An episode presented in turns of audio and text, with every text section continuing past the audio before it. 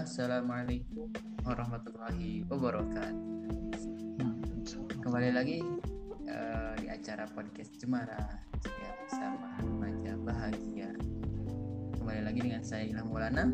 Seperti biasa saya di sini uh, selaku host dalam acara podcast kali ini. Uh, seperti biasa saya udah teman dengan Bang Akil dan gimana kabarnya Bang? Alhamdulillah baik kak. Kak Ilham juga gimana nih kabarnya? Alhamdulillah sehat juga. Alhamdulillah. Sudah uh, beberapa materi dalam podcast Cemara ini mudah-mudahan jadi tetap semangat juga buat mendengarkan khususnya para pendengar Cemara ini. Uh, dan pada kesempatan kali ini kita akan membahas tentang materi yang uh, itu mazhab dalam ekonomi Islam. Wah, keren ya tentang mazhab gitu kan. Uh, supaya lebih singkat waktu, langsung aja ya ke pembahasan selanjutnya ke pembahasan materi yang akan dipaparkan oleh Bang Akil. Nah, di sini saya akan uh, bertanya gitu. Pertama kan tadi uh, materinya juga mazhab ekonomi Islam. Nah, di sini saya akan bertanya uh, terlebih dahulu mazhab itu apa sih gitu secara simpelnya. Nah, jadi uh, menurut saya, jadi mazhab apa sih itu mazhab gitu? Kita sering dengar kata-kata mazhab, tapi apa sih itu mazhab? Nah, jadi menurut anda itu mazhab ini uh, itu mazhab tuh sebuah pengelompokan pengelompokan suatu hukum tapi uh, di sini yang di, yang digagas oleh tokoh tokoh-tokoh gitu. Jadi pemikiran-pemikiran uh, atau gagasan-gagasan atau hukum yang digagas oleh uh, sebuah uh, tokoh yang didukung yang punya pendukungnya gitu yang ya sekelompok tokoh gitu. Nah itu menghasilkan jadinya mazhab gitu. Kayak gitu. Nah oke okay, oke. Okay. jadi uh, supaya lebih jelas dan para pendengar bisa membedakan gitu loh uh, antara mazhab Islam dan perbedaannya dalam konven gitu. Maksudnya perbedaannya itu supaya lebih jelas apa gitu. Nah kalau misalnya kita berbicara mengenai ekonomi Islam dan ekonomi konven itu pasti uh, pasti bertolak belakang kan. Nah, dan apa mazhab daripada ekonomi Islam ini uh, apa sudut pandangnya itu ya nggak akan pernah sama gitu dengan ekonomi konven. Nah, jadi apa sih perbedaannya? Jadi kalau misalnya ekonomi dalam ekonomi konvensional itu uh, mereka itu orientasinya lebih ke pemikiran-pemikiran uh, sekuler gitu, yang uh, orientasinya itu lebih kepada dunia gitu. Nah, terus yang kedua itu uh, mereka uh, dalam pelaksanaannya itu tidak menyertakan uh, Allah gitu, ya dalam segala aktivitas mereka gitu. Nah, lalu yang ter lalu yang ketiga uh, apa dalam ekonomi konven itu uh, tidak ada nilai etika gitu dan norma saat bekerja gitu. Seperti contohnya uh, mereka untuk mendap untuk menggapai sebuah tujuan itu mereka akan menghalalkan segala cara gitu. Bahkan cara-cara kotor pun akan mereka halalkan seperti itu. Sementara kalau dalam Islam, Islam itu kalau kita berbicara Islam itu pasti prinsipnya itu religius gitu, lebih atau keagamaan gitu. Nah, jadi kalau dalam sudut pandang Islam ini kita itu uh, apa sudut pandang Islam ini ini yang mendasari kita uh, uh, sebagai umat Islam gitu. Baik yang uh, di dunia ataupun di akhirat. Jadi orientasinya itu uh, kemaslahatan. Kemaslahatan di di, dunia wal akhirah di dunia dan akhirat gitu. Jadi pasti kita uh, apa ya bertolak belakang banget kan kalau tadi uh, yang konven itu sekuler. Kalau kita itu lebih ke vidunya wal akhirat tujuan utama kita akhirat kayak gitu. Insya Allah keren banget. Parah parah. Nah jadi kan tadi teori perbedaan gitu kan. Nah mazhab ya pasti mazhab itu ada beberapa gitu. Nah di sini uh, ada berapa sih mazhab dalam ekonomi Islam itu? Nah mazhab dalam ekonomi Islam ini uh, ada tiga tiga mazhab dalam ekonomi Islam apa aja itu nah tiga itu siapa aja yang pertama itu uh, ini mazhab Bakir Asadar yang mana mazhab ini tuh digagas uh, oleh uh, ini tuh sebenarnya nama Bakir Asadar tuh gabungan dari Abbas Mirahor, Bakil Al Hasan, Kadim Asadar dan Iroj Tauto Tauto Ciandan Hidayati gitu. Nah ini golongan penggagas uh, mazhab Bakir Asadar. Lalu yang kedua ada mazhab mainstream. Nah, main, mazhab mainstream ini ini tuh digagas oleh para uh, intelek daripada Islamic Development Development Bank. Nah, contohnya biasa uh, seperti apa? Uh, apa? Tokoh yang suka yang sering kita dengar mungkin Umar Capra gitu, M. Amanan dan Nejatullah Siddiqui gitu. Lalu yang terakhir ada mazhab alternatif kritis. Nah, mazhab alternatif kritis ini digagasnya itu oleh Timur Kuron dan Jomo seperti itu.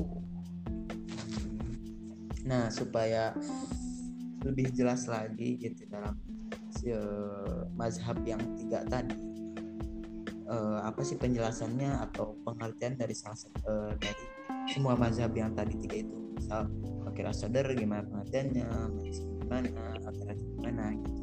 Tolong dong jelaskan. Nah, sebenarnya uh, mazhab ini ya punya pengertiannya itu jauh bertolak belakang banget dengan ekonomi konven. Yang mana kalau di ekonomi konven ada tokoh namanya Adam Smith, mereka dia yang uh, menyatakan bahwasannya uh, pengertiannya itu bahwasanya sumber daya alam itu uh, terbatas dan uh, apa kebutuhan manusia itu tidak terbatas seperti itu. Tapi di Bakir uh, mazhab Bakir Asadar ini ini bertolak belakang 180 derajat gitu. Bahwasanya sumber daya alam itu tidak terbatas karena ya Allah yang menciptakan sumber daya alam ini dan mencukupkan segalanya bagi manusia gitu.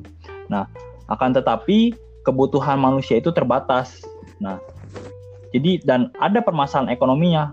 Kenapa kadang-kadang suka terjadi mengalami ada ada yang namanya kelangkaan gitu kelangkaan sumber daya. Nah ini permasalahan uh, apa ekonominya ini terjadi yang disebabkan oleh eksploitasi terus keserakahan kezoliman yang ditimbulkan oleh manusia itu sendiri. Nah seperti uh, jadi tentunya kan ini juga uh, mazhab ini merujuk kepada uh, Quran dan hadis yang di mana ada dalil di sini yang menjadi rujukan yakni Quran surat Al-Qamar ayat 49 yang artinya sungguh kami telah menciptakan segala sesuatu dalam ukuran yang setepat-tepatnya sehingga keinginan atau kebutuhan manusia itu tetap terbatas gitu. Jadi uh, dari sini kita bisa tahu kan bahwasanya uh, ya apa semuanya itu sudah ditakar gitu. Jadi sudah cukup gitu. Tapi karena emang terkadang ada manusia yang uh, apa serakah dan lain-lain itu menimbulkan uh, kelangkaan gitu. Seperti itu. Terus yang kedua dari masa mainstream. Nah anti mainstream nih nah kalau biasanya ada anti mainstream ini yang mainstreamnya gitu yang sering dipakai. Tapi nggak gitu juga jadi uh, di sini uh, ada pen, apa uh, mazhab tentang uh, uh, mazhab mainstream gitu. Nah kalau mazhab mainstream ini ini uh, pendapatnya itu berbeda berbanding terbalik dengan mazhab Bakir Asadar yang secara umum mungkin mazhab ini lebih tepat lebih cocok itu mirip dengan uh, uh, mazhab ekonomi konvensional gitu. Yang mana seperti tadi apa tokoh Adam Smith bahwasanya pengertiannya itu SDA itu sifatnya itu terbatas gitu. Dan uh, apa uh, manusia memiliki keinginan yang tidak terbatas karena manusia segala mau kan. Tapi SDA itu udah terbatas gitu. Nah kayak gitu. Nah lalu uh, sebenarnya kenapa sih? Mungkin kan pasti banyak yang nanya kan kenapa sih uh, mazhab ada mazhab ekonomi tapi uh, dia tuh uh, sama pengertiannya dan ekonomi konven gitu? Pasti kan banyak yang nanya gitu kan. Nah sebenarnya di sini uh, apa? Ya mazhab mainstream ini uh, apa? Sama dan ekonomi konven itu bukan berarti tanpa tujuan eh tanpa ini tanpa alasan gitu.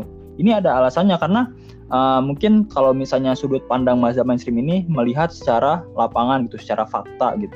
Yang mana memang sering terjadi kan ya apa kelangkaan kelangkaan dalam sumber daya alam gitu. Terus keinginan manusia yang apa serakah gitu ingin apanya gitu itu kan benar kan ada gitu. Nah kayak gitu. Nah tapi di balik kesamaan itu sebenarnya mazhab mainstream ini juga nggak sepenuhnya sama dengan ekonomi konven gitu.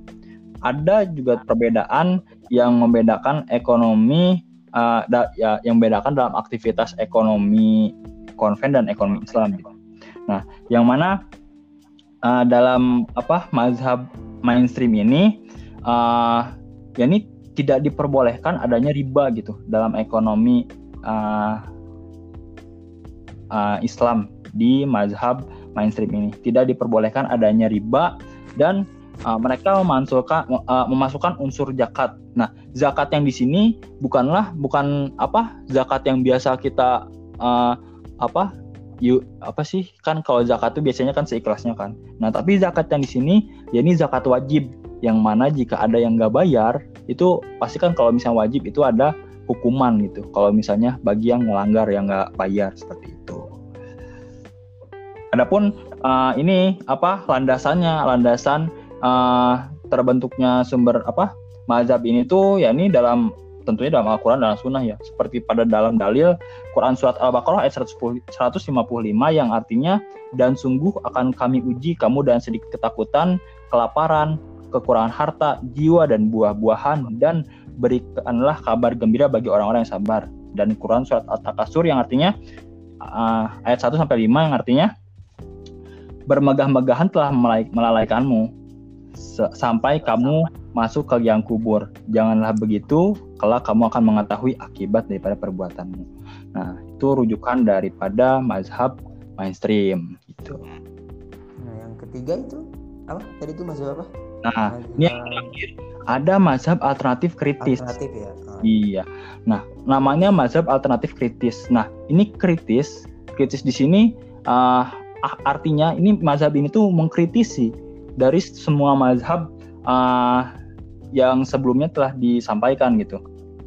Nah, contohnya ini uh, mazhab ini mengkritisi mazhab Bakir Asadar tadi bahwasanya mazhab Bakir Asadar itu dia uh, menghancurkan teori lama yang mana teori tersebut uh, mungkin sudah diuji uh, berpuluh-puluh tahun, beratus-ratus tahun oleh uh, para pakar-pakar ekonomi konven uh, notabene konven itu nah lalu di, dihancurkan oleh sebuah gagasan yang uh, apa ya teori baru gitu dihancurkan sebuah gagasan dan teori baru ini mazhab uh, Bakir Asadar gitu.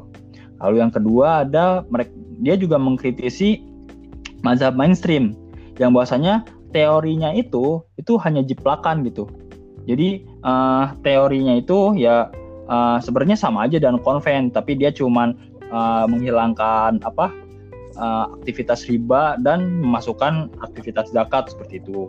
Lalu yang terakhir ada uh, mazhab alternatif kritis juga dia me mengkritisi ekonomi Islam gitu. Nah, kenapa? Jadi apa sih yang dikritisi dalam ekonomi Islam?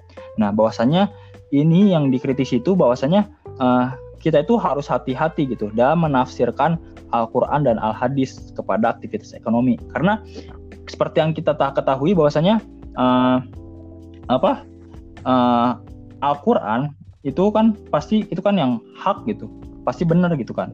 Nah sementara uh, ekonomi Islam itu itu belum tentu benar gitu. Karena itu kan mendapat apa uh, kita melihat dari masalah kan dari permasalahan gitu. Jadi uh, itu ada apa uh, ya ada pendapat manusia tapi uh, merujuk juga kepada Al-Quran dan hadis gitu dan uh, tidak menutup kemungkinan bahwasanya manusia itu bisa salah gitu. Nah, ini yang disebab apa yang apa yang dikritisi seperti itu. Seperti itu.